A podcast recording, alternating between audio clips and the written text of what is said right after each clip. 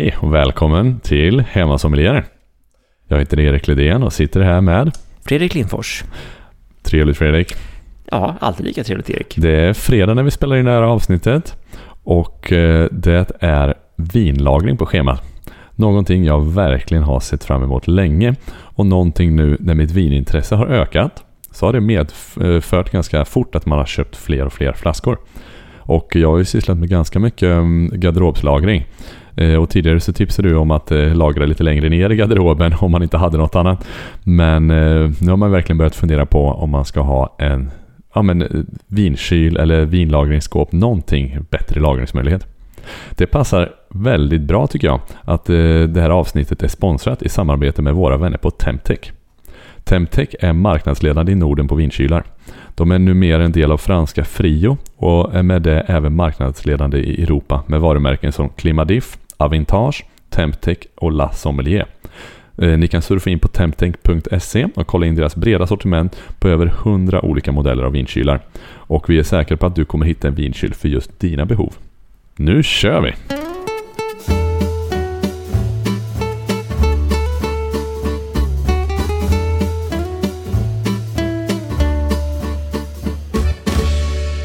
Okej men Fredrik, varför vill och ska man lagra sina viner? Ja, precis. Alltså det är ju, man hör ju att det är mycket snack om det här med att eh, man ska köpa på sig vin, lagra vin, lägga i källaren, ha en stor vinkällare och ha massa vin hemma. Och, eh, jag hör till och med en del som säger så här, ja men eh, det, det, är, det är svårt att dricka viner som, som de säljer på Systembolaget för alla är unga, man måste dricka mogna viner och sådär. Och jag tänker också till, till stor del kanske historiskt stämmer där rätt mycket också. Man tittar på, som vi har pratat om tidigare när vi pratar om olika traditionella vinstilar eh, mot moderna vinstilar. Många traditionella vinstilar är, är liksom gjorda, eller då gjorde man i alla fall vin med, med syfte att de inte skulle konsumeras direkt, utan det skulle lagras. Och, och, eller ja, på, på grund av att vinet blev så helt enkelt. Det var en hel del brokiga tanniner och det var tuffa viner och det var mycket sådana här saker som behövde få, få lägga sig lite grann i vinerna innan de vart liksom drickredo och då, då krävdes ju att de här vinerna lagrades så att säga.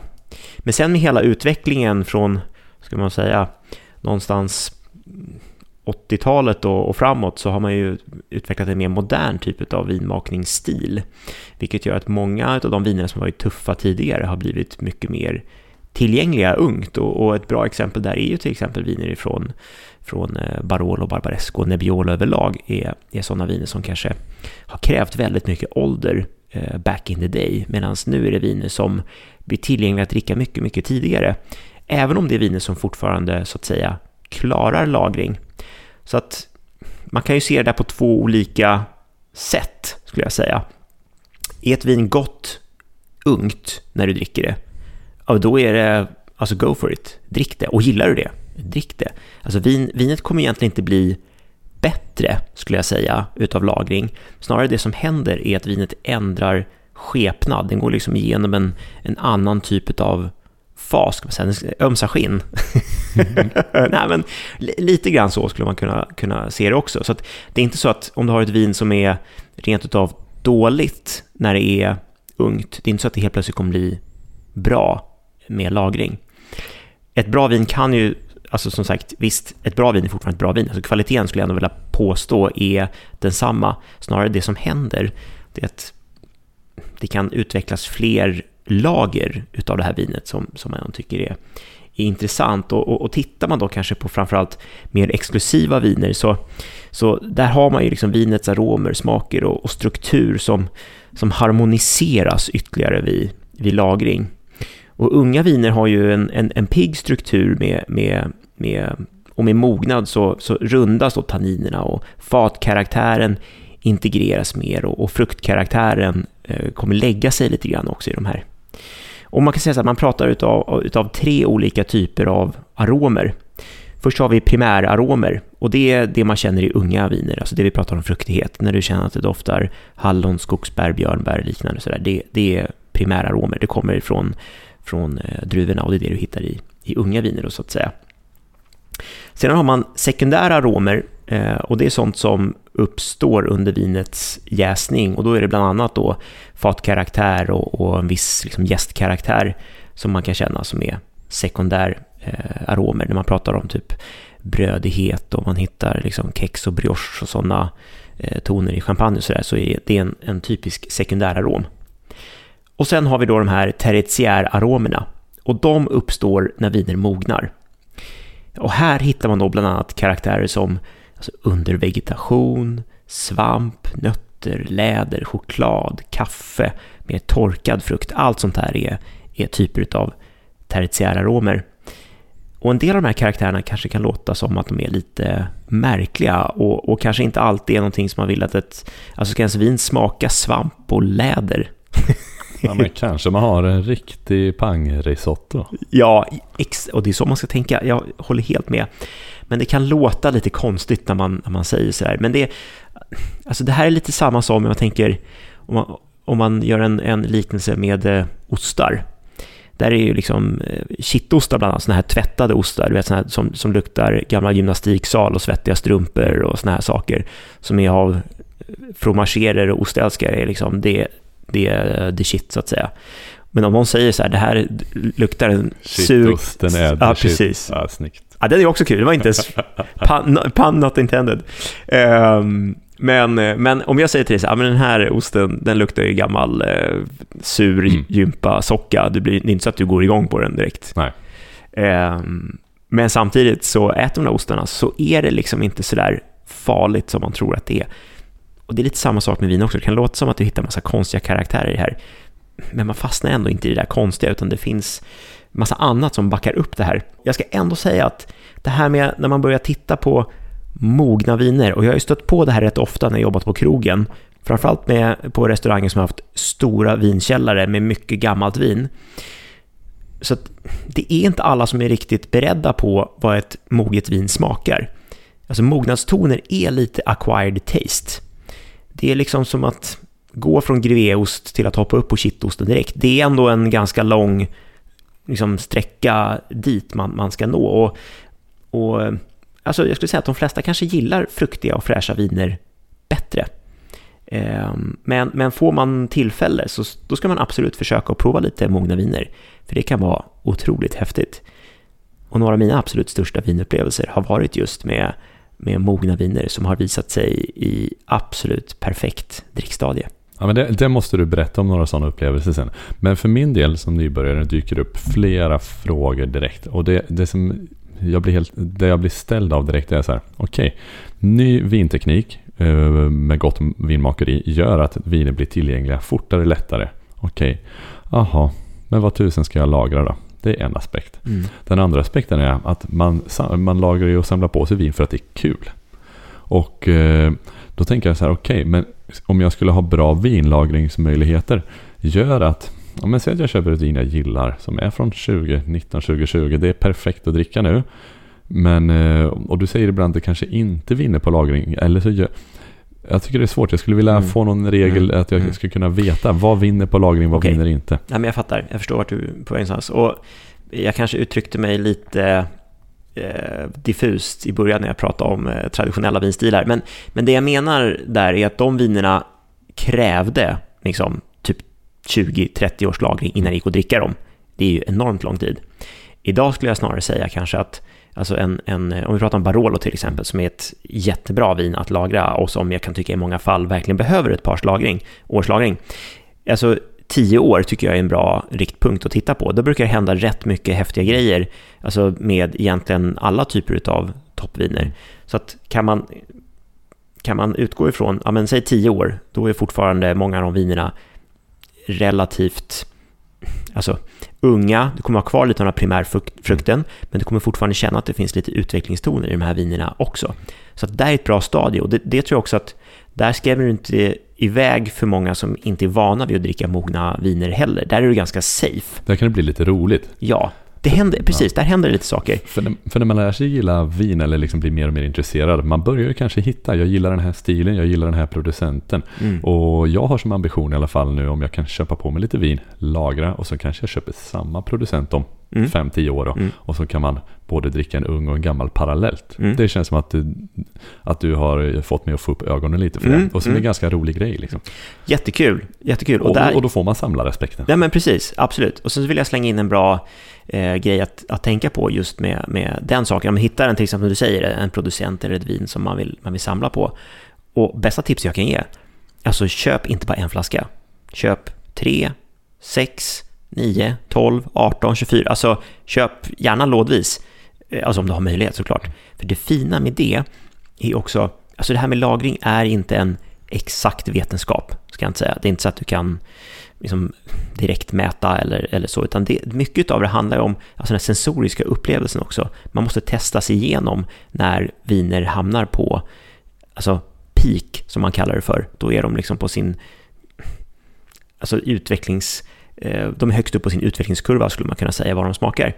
Och ehm, det där är många gånger man får testa sig fram till, skulle jag säga.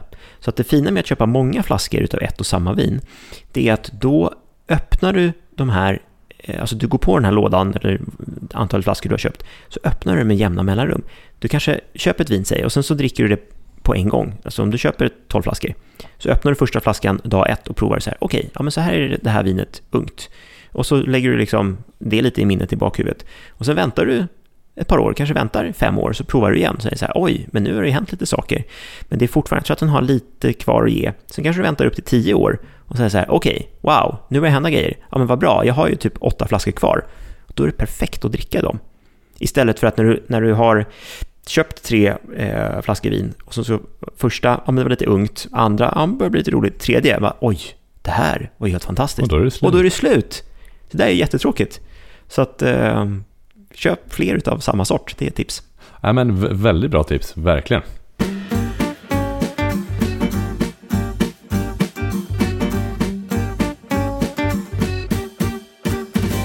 Okej Fredrik, men eh, jag ska ju börja lagra lite mer vin nu och jag behöver göra något med de flaskorna jag har köpt på mig. Eh, och jag har faktiskt köpt hus nu, precis. Så att eh, det börjar ett nytt kapitel och det kommer även finnas en källare. Den har varit eh, hyfsat fuktskadad innan. Så jag vet ju inte om det är så här toppenluft och så där nere. Det är en aspekt jag är lite orolig för. Jag har hört att eh, om jag köper en vinkyl då ska jag akta mig för vibrationer. Och eh, annars är det och det här med vinlagringsskåp versus kyl. Ja, jag tycker det, jag skulle vilja kan du, kan du bena ut det lite? Ska vi reda i det här? För min plan är att skaffa någon form av, uh, någon form av skåp mm. eller kyl mm. och eh, kom, eh, komplettera det med lagring i min källare. Mm. Men, eh, Nej men precis, vi kan väl bara gå igenom lite förutsättningar tänker jag, vad man faktiskt ska titta efter när man ska lagra sina viner. Och det man har lärt sig i historien, alltså det här är ju väl beprövat, var man ska lagra sina viner någonstans. Folk har ju lagrat vin i, i tusentals år, eh, så att man har ju liksom kommit fram till att här är ett ställe som ger bra förutsättningar. Så att det finns en anledning till varför en så att säga, traditionell vinkällare egentligen är det optimala eh, stället att lagra sina, eh, sina viner på. För där har du vissa förutsättningar som, som, man, som man vill ha helt enkelt för att vinerna ska kunna ja, men mogla, mogna och utveckla sig på ett så bra sätt som möjligt. Och vad du vill ha då? För det första så vill du att det ska vara mörkt. Ehm, för att alltså solljus och, och framförallt UV-ljus kan faktiskt väldigt, väldigt snabbt eh, förstöra ett vin. Så att du vill att det ska vara mörkt, få inget ljus liksom att, att, eh, att tränga in och så. Och, och dessutom kan man titta på, på vinflaskor, alltså tänk på glasflaskor. Alltså många av dem kommer ju i ett, ett grönt eller brunt, alltså ett mörkt glas. Och det är ju anledningen för att man vill skydda vinet ifrån just UV, UV-strålar. Eh, och det finns ju en del viner som, som kommer i, i ljus, alltså en klarglasflaska alltså mycket rosé och, men, men även en del liksom prestige-champagner som kan vara riktigt dyra eh, kommer i en klarglasflaska. Och då ska man tänka på att man ska vara försiktig för att utsätta dem för, för eh, ljus. Kommer de i ett cellofanpapper eller alltså någon sorts papper eller en kartong eller förpackning, behåll vinet eh, i, i den liksom förpackningen, för det är därför att det ska också skydda mot det här UV-ljuset. Och stoppa ner källan där det är mörkt. Sen ska det också vara svalt. Alltså det ska vara källarsvalt. Någonstans mellan alltså 10, 12, 14 grader. Där någonstans emellan skulle jag säga. Det är ändå bra temperaturer för eh, för lagring. Nu pratar vi inte om vad vinerna ska serveras vid, nu pratar vi om vad vinerna ska lagras i. Eh, och, och, det där, alltså, man kan också säga så här, ju kallare du har i din källare, desto långsammare kommer vinerna mogna och utvecklas. Så har du en riktigt, riktigt kall källare, då ska du laga vinerna länge, alltså kanske så här 50 år, och du har riktiga toppviner, då har du givit vinerna riktigt bra förutsättningar att kunna visa sig på topp när de är riktigt mogna.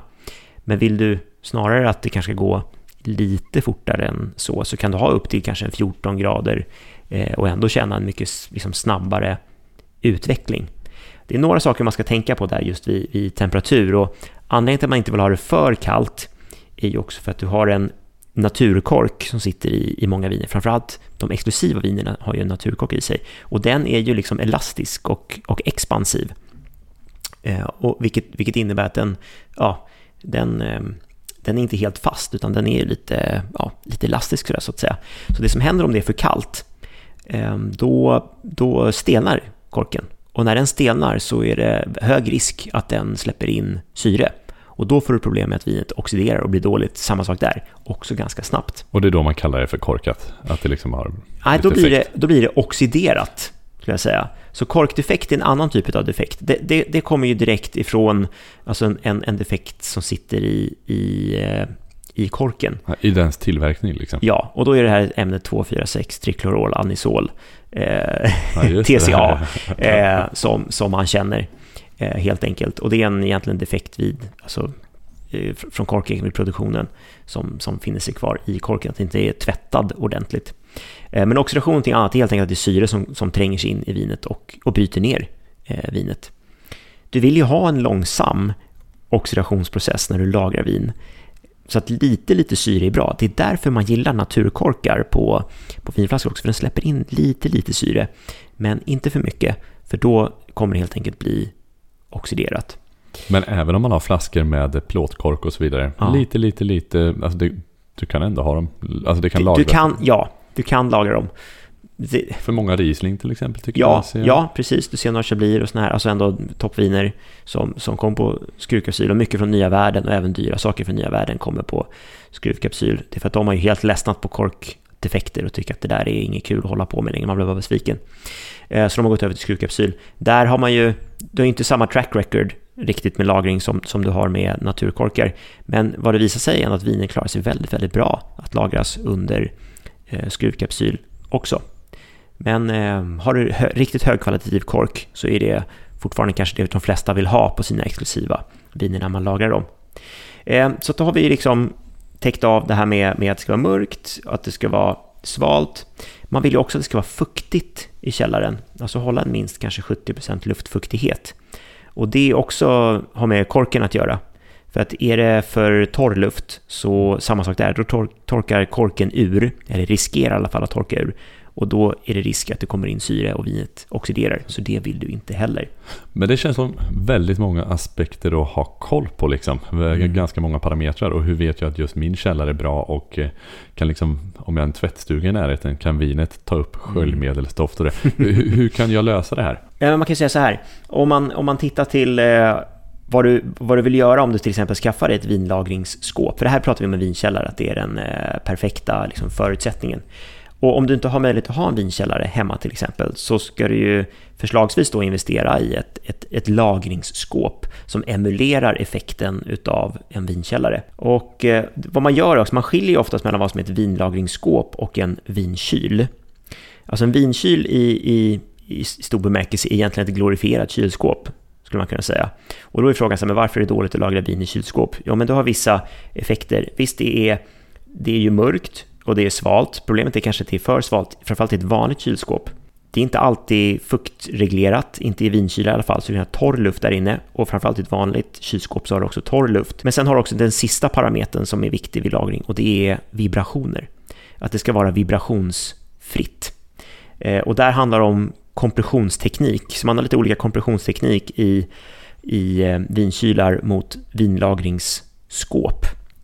Återigen, titta på vår, vår partner här, Temtech. Och det också har alltid byggt sina vinkylar enligt en vinlagringsprincip med korrekt stabil temperatur, UV-skydd i glaset, låga vibrationer, korrekt luftfuktighet eh, och även en, en, eh, ett skydd mot dålig lukt med hjälp av ett kolfilter. Så då behöver du inte ha det här problemet som du oroar dig för med en tvättstuga som kanske ger dålig lukt eller, eller liknande.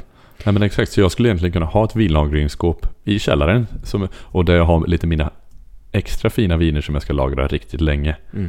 Hade det varit ett eh, bra alternativ för mig? Mm. Ja, men... Eller en kyl. Ja, absolut. Mm. Ja, absolut. Så, att, eh, så där någonstans har vi det, eh, skulle jag säga. Så att man ska även tänka på så här, ja, men köper du en, titta, titta efter en vinkyl, köp kanske inte den billigaste, för då kommer du också riskera att den är eh, att den inte har liksom den korrekt teknik, utan då är det lite grann det här som vi pratar om, ett glorifierat kylskåp.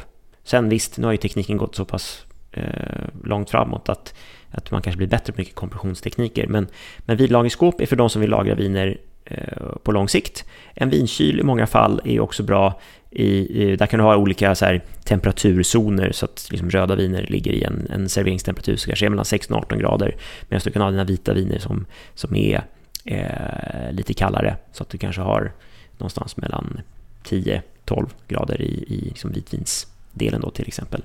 Men då är det som sagt ur ett, ur ett eh, eh serveringsperspektiv. Mm. Men att köper man då liksom en Temtec-kyl då vet man att okej, okay, här kan jag damma in mina flaskor i 10-20 år också. De mm. kommer lagras mm. bra i min vinkyl som jag har satt i köket. Ja, exakt. Dessutom. Och det, alltså det är snårigt dessutom när det kommer till att hitta en perfekta mm. vinkyl. Men, men, det tycker jag det gjorde mycket lättare. Då känner jag mig lite mer trygg liksom att okej, okay, då kommer jag göra ett bra val oavsett. Annars har jag, har jag undrat liksom, oh, gud, hur ska jag tänka det? Då kan jag faktiskt ta vilket jag vill. Mm. Och det som passar mitt hem för stunden. Och, eller liksom så. Mycket lättare. Ja. Det är en djungel där ute. Ja, djungel. men kanske temtech.se kan man ha som lite guider.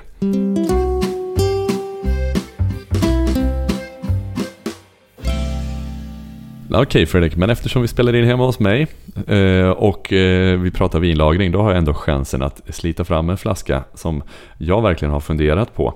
Då, det här är en Magnumflaska från Bordeaux av något som heter Chateau de Seguin. Tror det är en ganska vanlig flaska. Mm. Den har liksom följt med nu i 7, 8, 9 år. Den är från 2011 i olika lägenheter och den har legat högst upp. Jag skulle tro att den har en temperatur, kanske lagras vid en lägsta temperatur på 18 grader och en högsta på 35 när det har varit så här värmebölja. Och jag, jag vågar inte öppna den och tiden går. För jag tänker att hur tusen ska den här vara? Jag har ju inte lagrat den här bra. Eh, hur är det med vin som har lagrats fel egentligen?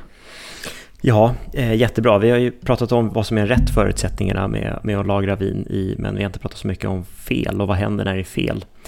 Alltså, jag kan ju säga så här att mycket av det här med att lagra vin i rätt förutsättningar, det är lite grann som att köpa sig en försäkring. Alltså du gör, du gör allt du kan för att ge vinet rätt förutsättningar för att det ska kunna mogna och utvecklas på bästa möjliga sätt. Sen är det i sig ingen garanti på att det kommer ske. Du kan fortfarande råka ut för oxidation och korkdefekt eh, och att vinet liksom inte åldras eller mognar bra. Men du har minimerat risken att mycket av de sakerna ska ske om du har givit det rätt förutsättningar. Och vad händer då vid fel förutsättningar? Ja, det där är ju intressant. Och, och som du säger, det här är en flaska som, som du har, som har varit med och, och som du har haft runt. Och, och det där med olika temperaturer är ju sådär oj oj oj, man är jätteorolig och, och vad händer? Och, och, det är egentligen inte, det är klart inte bra att det, det har haft lite temperaturfluktuationer och sådär.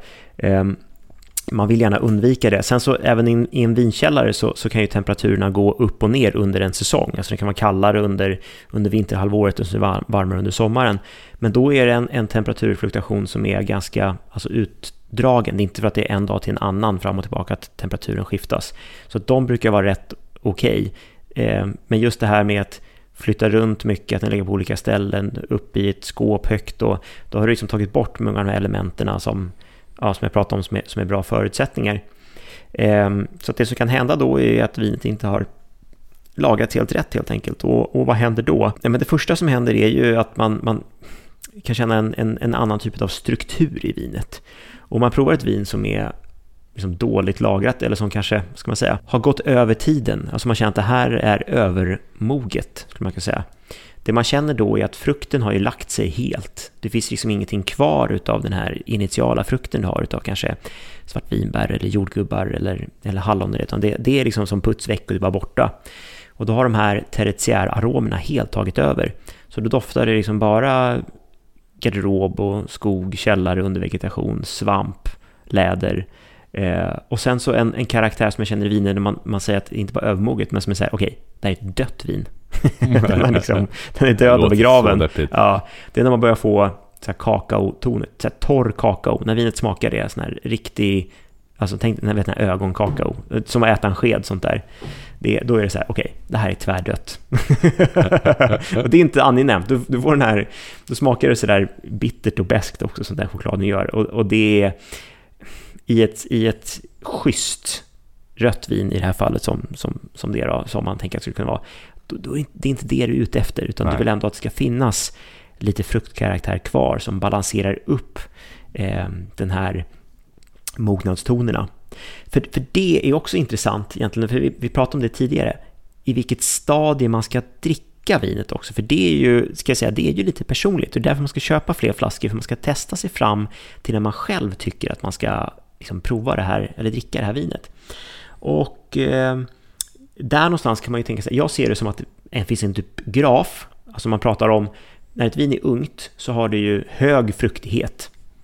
Och sen med ålder och ju mer det här vinet mognar så tappar den ju liksom sin fruktiga karaktär. Och den går ju också från att du har, säg att du har en, en, en eh, svartvinbärsfrukt i vinet när det är ungt, så går det från att det smakar liksom färska nyplockade svarta vinbär tills att det blir mer torkade svarta vinbär. Och sen när det börjar utvecklas ordentligt så har du liksom skrumpna svarta vinbär. Och när det går över så har du ju liksom alltså, nästan mögligt, men alltså, mm. kanske inte mögligt, men, men nedbrutet skulle jag säga. Eh, svartvin, alltså förmultnat nästan. För man får också tänka att det som händer med vin, som, som med allt organiskt material, det är att det sker ju en oxidationsprocess. Alltså vi människor, vi oxiderar ju också. vi blir ju också äldre, vi bryts ju ner. Det är ju liksom det som är grejen. Eh, så att vinet bryts ju också ner, men det går ju väldigt långsamt eh, egentligen för vin att, att brytas ner. Och då gäller det ju så här någonstans att man ska fånga vinet på den här nedbrytningsresan när den är som bäst. Så då tänker man så här, okej, okay, då har du i grafen så här, i, i, i ena delen så har du den här fruktkaraktären som egentligen bara blir mindre och mindre och mindre, men också som ändrar skepnad, vilket är lite intressant. För att den går mer och blir från färsk till torkad. Och sen har du i den här andra grafen så har du de här som jag pratade om tertiäraromerna, där du får de här mognadstonerna, det här som är svampigt och läder och, och, och, och, och hela den aspekten. Eller som den gode Karl har sagt, nyriden hästrygg. Eh, lite de karaktärerna. Och då kan man tänka sig att de här kommer ju möta varandra någonstans när du får liksom, när frukten har brutits ner så pass mycket. Och sen så kommer det liksom, det ökar med de här mognadstonerna. Brytpunkten med de här två, där är vinet jätteintressant. Där är det häftigt. Där är det på peak, skulle jag säga. Sen lämnar de ju varandra. Sen så tar ju då tertiäraromerna över och frukten försvinner ännu mer. Och då är, börjar vinet gå mot en mer övermogen fas, skulle jag säga. Eh, så det är en väldigt häftig process. Träffar man viner på just den punkten, när den är eh, riktigt, riktigt alltså moget, men du har fortfarande primärfrukt kvar, tycker jag i alla fall, då är de som absolut godast. Ja, det, det undrar om jag någonsin har prövat. Någon gång kommer det kanske hända. Får jag hoppas att jag liksom märker det. Men Fredrik, du har en story med en 1969 Brunello di Montalcino. Mm. Berätta. Du vill veta om den? Ja, ja faktiskt. Och nu, eh, precis, vi pratar återigen om dåliga förutsättningar. Och jag har stött på många, många gånger med viner som har eh, lagats dåligt, som man har öppnat och bara känner så här, gud vad tråkigt, för det här var ett bra vin och det var gott att dricka och allting. Och många jättedyra viner som jag tycker är super, super tråkigt när det är så. Tyvärr ska jag också säga att det är en del viner som jag har köpt via auktion, för där vet man ju inte riktigt liksom proveniens och hur den har lagrats allt för långt bak i tiden, framförallt om man dricker mogna viner. Så att det är en del bommar jag stött på där också som, är, som jag tycker är lite synd och tråkigt. Får man pengarna tillbaka då? Inte på auktioner, där köper du på, på egen risk. Men Precis, du har ju snappat upp om att jag skulle berätta en story om den här Brunello de Montalcino ja, 1969. Det här får vi prata om att det är ett ganska moget vin. Och vi snackar Italien, Toscana. Precis, och en producent som heter Coldorcia. Den här flaskan är ganska intressant för den, den eh, drack jag för ja, men kanske en tio år sedan under den tiden som, som jag pluggade som sommelier och jag hade precis träffat min fru, vi pluggade ihop. Alltså min, ja, hon var inte min fru då, men min då blivande fru. Um, och, Visste du direkt? Ja, det är ja, ganska snabbt. Nu, ska vi, nu ska vi prata om vinet där. Men i alla fall, men, men min, fru- det är, för min fru är med i storyn, för jag fick nämligen den här flaskan Brunello di Montalcino av min svärfar när jag träffade honom första gången. Och han drog samma story som du drog med, med, med ditt vin som du drog fram här, som du har haft, som har släpats runt på olika ställen och bott i olika liksom, boenden och sådär. Och han hade precis samma sak med den här flaskan då, 1969 Brunello Montalcino. Den var runt, han fick den av sin eh, fru när de träffades. Wow. och var väl hur dyr som helst eh, för henne att, köpa och ge till, till honom. Så att eh, då fick jag den flaskan och den har legat fel. Den har legat i vet, köket högst upp, det har varit som varmast och stora temperaturfluktuationer och allt sånt där. Så jag tog emot den här flaskan och sa, ja men tack tack, vi, vi får se vad vi, vad vi gör med den här. Och sen så med sådana där viner man verkligen inte vet, då, då var det så här, men då, då körde vi typ en pizzakväll eh, med polare och sen så drack vi lite vin och sen så bara drog jag fram den där som en grej. Ja men vet du vad, jag har den här också och den här har lagats i helt fel förutsättningar. Så att vi, vi öppnar väl den och tittar på och ser vad som, vad som händer. Och jag öppnade vinet och det fina var att när jag, när jag tittade på den här flaskan, alltså det var ju som sagt ändå från 1969, så ett ordentligt gammalt vin. Och, och det som var talar för dess fördel då var att man, etiketten såg väldigt bra ut och sen var det också att det var en väldigt hög fyllnadsnivå i flaskan. Alltså det var nästan knappt tappat någon vätska alls. För det händer ju också med en del mogna vin, att det, det, det dunstar ju också lite vätska ur dem. Och det är ingenting konstigt, men ju mer vätska det dunstar, desto mer orolig ska man någonstans vara. Men här var det verkligen jättebra nivå, så var så här, okej, men det där är ändå en, en bra sak. Och vi öppnade det här, vi provade vinet och alla var bara så här, wow, det var helt otroligt. Nej, det var så gott. Det var en... så Då här- var det 55 år gammalt typ. Ja, och det var väldigt silkigt, det var väldigt mjukt. Syran hade harmoniserats ihop med tanninerna, det var fin fruktkaraktär, det fanns mängder med karaktär. du fick verkligen det här svampiga, eh, lite torkade blommor och, och torkad frukt, det fanns röda bär och hela det här spektrat, allt var verkligen där och vinet bara sjöng. Eh, och där får den också så här att tänka så här, ja, Ska man verkligen laga sina viner rätt? det jag skulle säga det här var verkligen ett unikum eh, bland allt det här. För att eh, många gånger så har jag stött på viner som har lagats på fel sätt, att det, det, är, inte, det är inte roligt. Nej. Men den här var, det var en fantastisk flaska. Så det där var en, en parentes bland, bland, bland alla de här inkorrekt eh, lagrade vinerna. Men det är också roliga med vin, det är så kul när det, när det överraskar en. Man tror att det här eh, eh, inte ska leverera allt, så jag hade väldigt lågt ställda förväntningar. Och så total överlevererade det. Det var helt fantastiskt. Ah, underbart Mm. story, man blir inspirerad.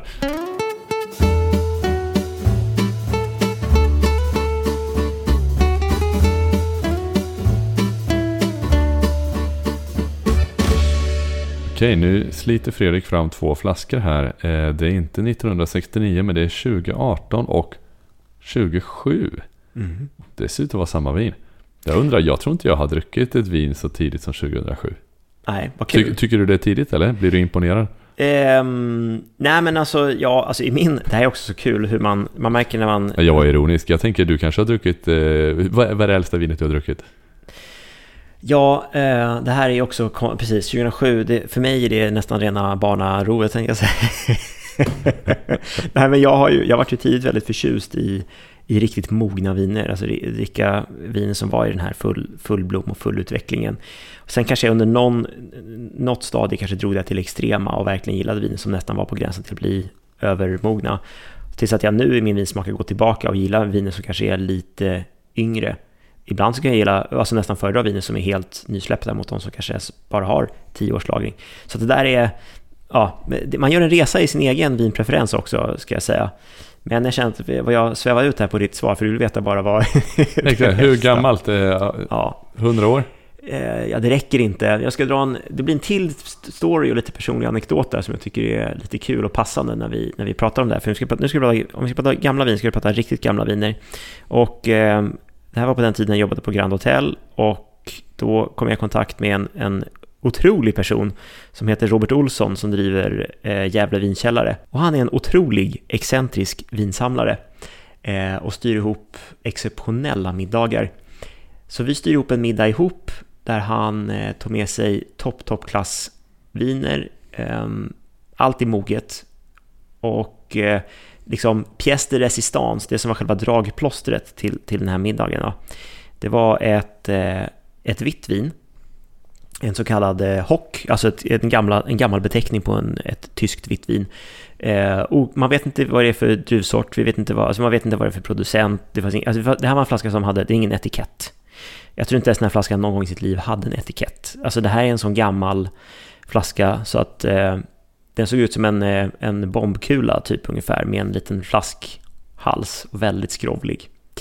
Den här vinflaskan hade nämligen varit legat ombord på en holländsk ostindiefarare som hade förlist utanför den nederländska kusten i mitten av 1700-talet. Herregud, det låter helt sjukt. Jag tror att skeppet förliste 1759 och då låg den här flaskan ombord på den båten. Eh, och Robert då hade lyckats snappa upp den här flaskan ifrån en, ett auktionsverk i, ja, i Nederländerna. Då, eh, som, som hade, den här hade, flaskan hade bärgats, den hade restaurerats, alltså tagit bort alla anemoner och såna här saker som är på den. Jag tror att den till och med hade omkorkats och sen gått ut på auktion. Så att det här är ju ett exceptionellt gammalt vin som jag tror, alltså det är ju, så, så där gamla viner stöter ju liksom aldrig på. Men eh, så han, han byggde upp en helt sån exklusiv middag runt den. Det var till och med så att det kom en journalist från Dagens Industri och intervjuade Robert och gjorde en, liksom varit en hel grej kring den här flaskan, att den skulle öppnas. Det var en hel ceremoni bara det.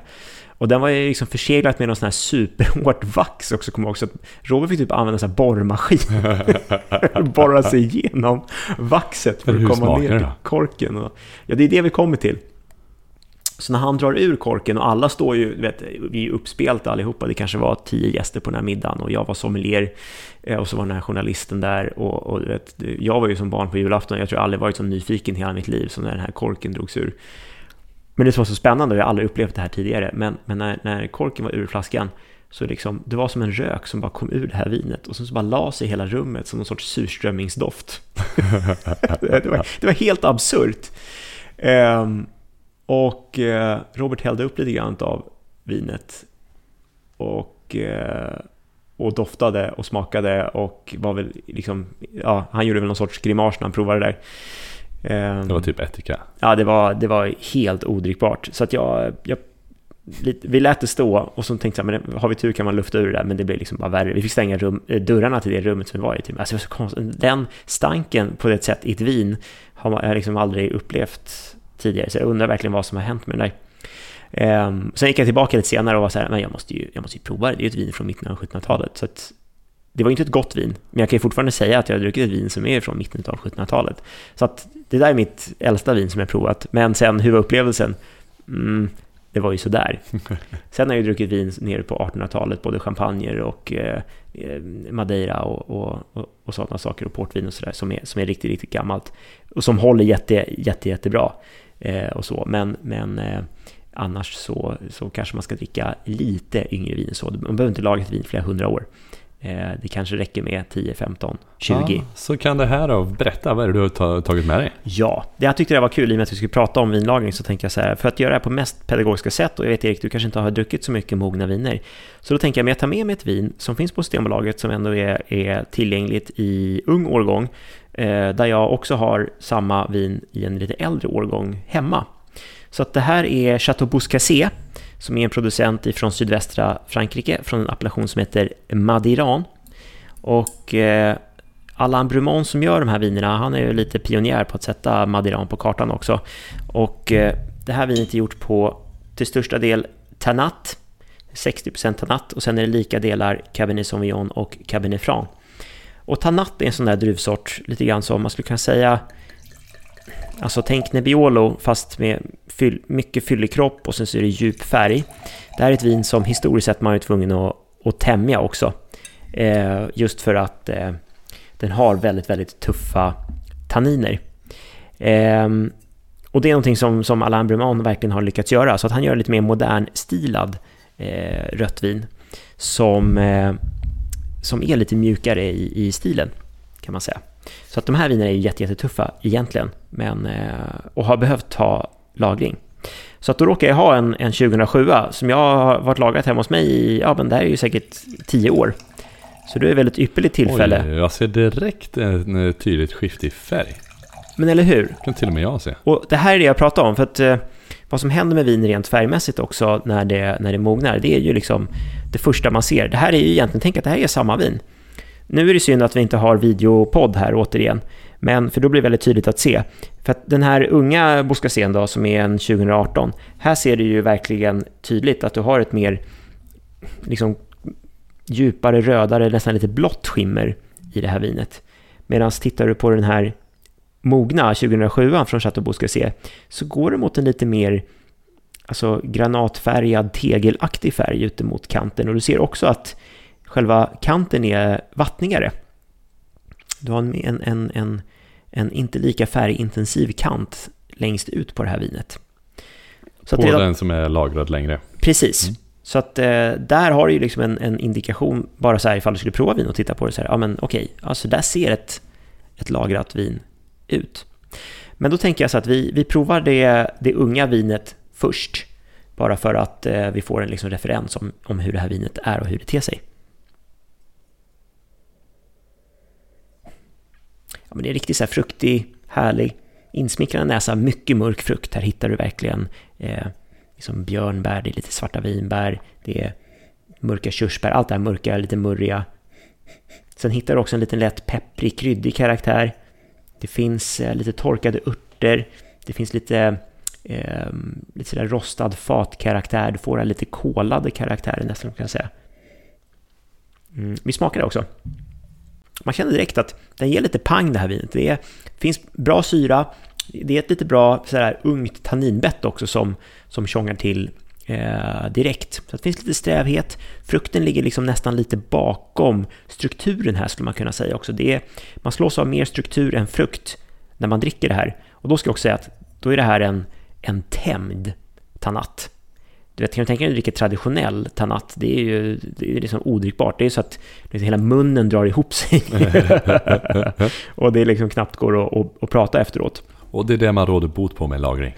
Ja. Det alltså, harmoniserar ner, det Exakt. Det, är, det, mjuk, alltså det gör att vinet blir mjukare helt enkelt. Jag tycker det här var gott. Det är gott, det är jättegott. Alltså det här, snacka om ett eh, toppenmatvin när det har så här mycket struktur också som det har.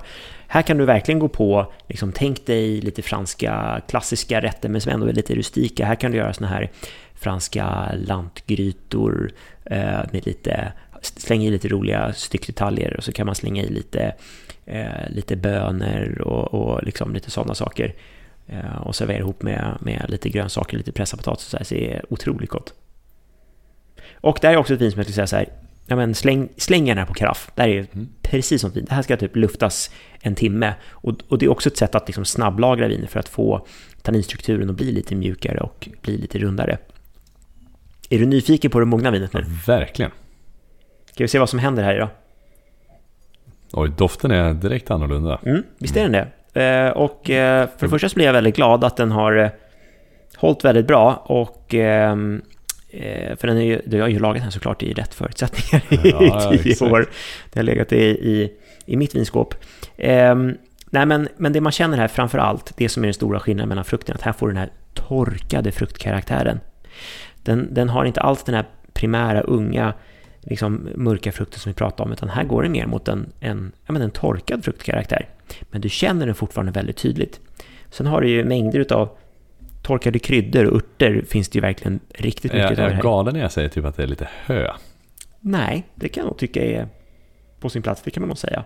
Att den har någonting åt det Jag är färgad. Jag var precis inne och hälsade på min gamla morfar som bor på ett torp ute på landet och mm. han har ju en, en lada mm. som är liksom riktigt, det mm. påminner lite om doften man kryddar ja, in. Men det, det jag tror du tänker där på också, att det kanske inte bara är höet i sig, utan det kanske doftar som hela laggården. Alltså du har allt det här. Ja men exakt, för det är en laggård utan djur, men det har varit ja. laggård. Ja, men, och det sitter fortfarande kvar. Ja. Alltså en laggård doftar laggård. Men det är också det där med mogna viner, att du får lite den här, alltså man pratar om att man kan känna lite källartoner, fast i en, i en positiv bemärkelse. Ja, ja, det här var verkligen på ett positivt ja. sätt. Att du får allt det där. Det finns också något som är lite animaliskt. och nu när jag doftar på det gamla vinet igen, eller det, det nya som är från 2018 där. Mm. Det, det, är mycket, det känns lite glättigare nästan. Mm. Ja, men visst gör det. Och, och, lite friskare. Men det här känns väldigt eh, förföriskt spännande nästan. Mm. Ja, men visst gör det. Ja, men sen har det lite här, det är lite charkuterier, det doftar lite, det doftar lite, ja men som sagt, häst. Ska vi smaka? Nu måste vi smaka. Helt annan struktur. Känner du ja. det? Det är inte alls... Vad, vad lent det var. Mm. Eller hur? Oj! Det är inte alls samma pang, käft, här är tanninerna, här är broket. Syran är där. Och jag säger, syra är också en sån här sak som kanske inte riktigt bryts ner. Det kan harmoniseras i vin. Du kommer alltid, är det ett vin som har hög syra så kommer det i princip alltid ha en hög syra i sig också. Men du kan harmonisera med övriga komponenter i vinet. Tanniner däremot, de rundas av och, och mjuknar eh, i vinet med, eh, med ålder. Och ändå fin frukt ska jag säga som, som, eh, som är kvar i, eh, i det här vinet och som är återigen åt det här mer, ja men lite så, torkade eh, hållet. Men hade man kunnat kliva på med det här vinet då till någon liksom, ja men eh, lite mer elegant rätt då nästan. Mm. Jag tycker det här var, det var väldigt gott. Mm. Precis. Wow! Jättebra, och det här är precis så man ska tänka också. Vad händer med vin när det mognar? Hur ska jag tänka när jag matchar mat till det?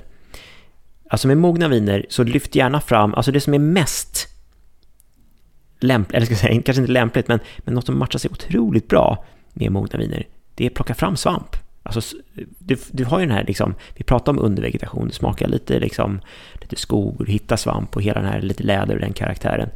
Alltså få in det i maten också, det är jätte, jättesnyggt. Stek lite svampar och istället för en kantarelltoast till den här? Ja, det kan du göra. Nej, men jag tänker också som, om vi ska utveckla grytan som vi pratade om tidigare, då kan du liksom här, och sen så vet du att det här är lite mjukare, lite elegantare vin, välj en, välj en lite schysstare styck detalj till här också. Här kan du tänka så här, men kanske gör en eh, rådjurssadel, eh, stek på lite, lite svampar som vi pratade om, gör en, en, eh, en skysås, få i lite Ja, lite av vinet i det. Lite av vinet i det också, inte för mycket för det vill man gärna dricka. Eh, och sen så kanske gör så här pomme duchesse eller någonting lite mer. Ja, men lyft, jobba lite mer med elegansen. Vad är pomme duchesse?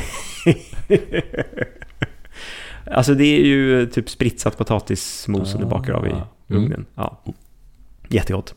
Ehm, de aspekterna skulle jag säga. Så att eh, har du mer elegans i vinet så jobba lite mer med elegans i, i maten också. Eh, och har du unga tuffa viner, lagra dem så, så, så händer det väldigt mycket saker med vinet. Och det här kan jag säga, när jag provar de här två vinerna, det är inte så att det mogna vinet är bättre än det Nej, nej, det är det Kvaliteten är samma. jättehäftigt. Det är bara Ja. olika upplevelser. Precis, de har olika karaktär. Sen kan man tycka så här att det mogna vinet är wow, så häftigt, för att du får en sån bredd utav olika karaktärer man, man känner.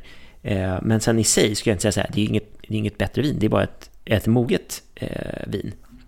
Och bara för att återkoppla till Chateau Bousquet då, så kanske man tänker så här, oj, det låter som att det är ett superdyrt vin. Och eh, det är, det är det inte alls. Jag kan säga, jag, när jag köpte den här 2007 tror jag den kostade precis över hundringen på Systembolaget. kanske kostade 119 kronor eller något sånt där. Idag tror jag den ligger på 169 däromkring, så fortfarande under 200 kronor. Men är ett grymt vin att köpa och ja, just i lagringssyfte. Eh, inget komplicerat på något sätt. Eh, men ett, ett, ett vin som verkligen är så här, ja men vad vill man testa själv, lite så här, utan att lägga ut för mycket pengar och laga viner så är det kul vin att laborera med. Nej, men Fredrik, tack för det här. Alltså, jätteroligt. Jag borde inte vara så chockad att du väljer bra, kul viner och så, men jag blir ändå lite det. Men ja, det, det är ju ditt yrke. Ja, men det är svårt även för mig kan jag säga. Och eh, jag, jag öppnade faktiskt en, just en sån här 2007 för något år sedan och, och testade den. Och då var den inne i... Det, fin, det, det är komplicerat det här ibland med vin, va? Och det finns också en, en mognadsfas som man kallar för en tunnel. Och det innebär att det är en, en period när, när vinet direkt när det är ungt så är det sådär primärt och fruktigt som vi pratade om. Och sen så börjar det då utveckla sig. Så efter, en, efter ett par år, det kan vara liksom tre, fyra, fem år, eh, så kan vinet gå igenom en, en fas som kallas för tunnel. Och det är egentligen att vinet stänger ner snarare. Då tappar den sin fruktkaraktär och den går igenom en, en tonårsfas, kanske man skulle kunna likna det vid. Eh, så den går från att vara sådär un, ungdomlig och, och barnslig kanske, till att gå igenom den här uppstridiga tonårsfasen som inte är så kul. Det är en sån här tonåring som smäller i dörrar och inte vill lyssna och inte... Alltså det, den är brokig helt enkelt. Och sen så kommer den ut på andra sidan som en mogen vuxen person och då är den jättebehaglig och trevlig igen. Så jag tror att vi har tagit det här vinet på den lite mer vuxna fasen nu den här gången. Ja, f- fin liknelse. Ja, Skål! tack, skål.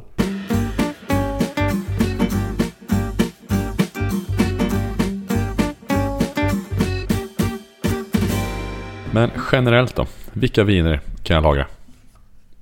Ja, men jag skulle säga... Du kan, lite mer exklusiva viner. Alltså tänk att börja kanske någonstans titta 200 kronor uppåt. Där har du liksom rätt förutsättningar utefter druvmaterial och, och, och kvalitet skulle jag kunna säga för det är viner som ändå kommer klara lagring. Så det är kanske en generell bild att, att eh, titta på. Eh, sen har du ju liksom lite, ja, ah, men vilka stilar? Ja, men champagne, obviously.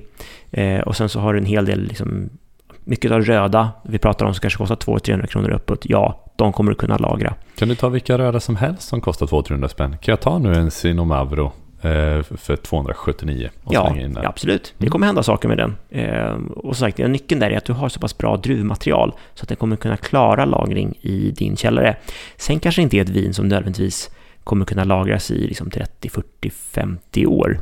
Men det kanske inte är poängen heller. Och det Alltså, kanske inte är någon som vet. Det är ju faktiskt lite spännande. Att Ja. man, det är ingen som vet. Nej, och vem, och vem orkar lagra vin i 50 år? Det gör man ju liksom inte, utan ett- 10 år kanske är liksom en sån här bra riktpunkt. Men jag tänkte ändå säga, Erik, du kanske vill ha tre bara konkreta pang. Här är tre bra typ röda att köpa och hålla i källaren. Eh, Ja, speciellt eftersom jag ska dra igång lite med min Mm, källare. mm. Ja, men det tycker jag. Här har jag tre vin som jag tycker så här, ja, men köp det här. Det, det här är kul att lägga undan i kanske, ja men säg 10 år.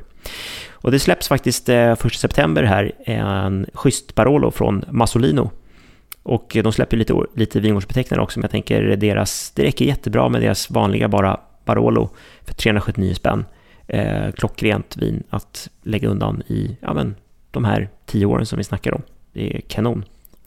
Eh, Bordeaux, klassiskt om man vill lägga undan, om man vill eh, lagra. Bordeaux är ibland lite knepigt när det kommer till ursprung, framförallt årgångar skulle jag säga. Eh, kan vara lite svårt att veta vad man ska köpa i Bordeaux. Men eh, det finns i beställningssortimentet en eh, Pomerol som heter Chateau Lagrave som är riktigt bra. Och Pomerol som kommun överlag skulle jag säga är rätt homogent i Bordeaux. Eh, därifrån får man generellt sett rätt bra hög kvalitet. Så att det kan vara någonting att titta efter. Nu kostar det vinet nästan 700 kronor. Så att det kanske inte är den du köper åtta lådor utav, men kanske krydda med några stycken. Mm. Eh, när det är lite så speciella gäster som kommer fram. Och vilka år då i Bordeaux? Ja, men du har egentligen eh, några bra på sistone. Den som ligger nu i beställningssortimentet ser ut att vara 2017.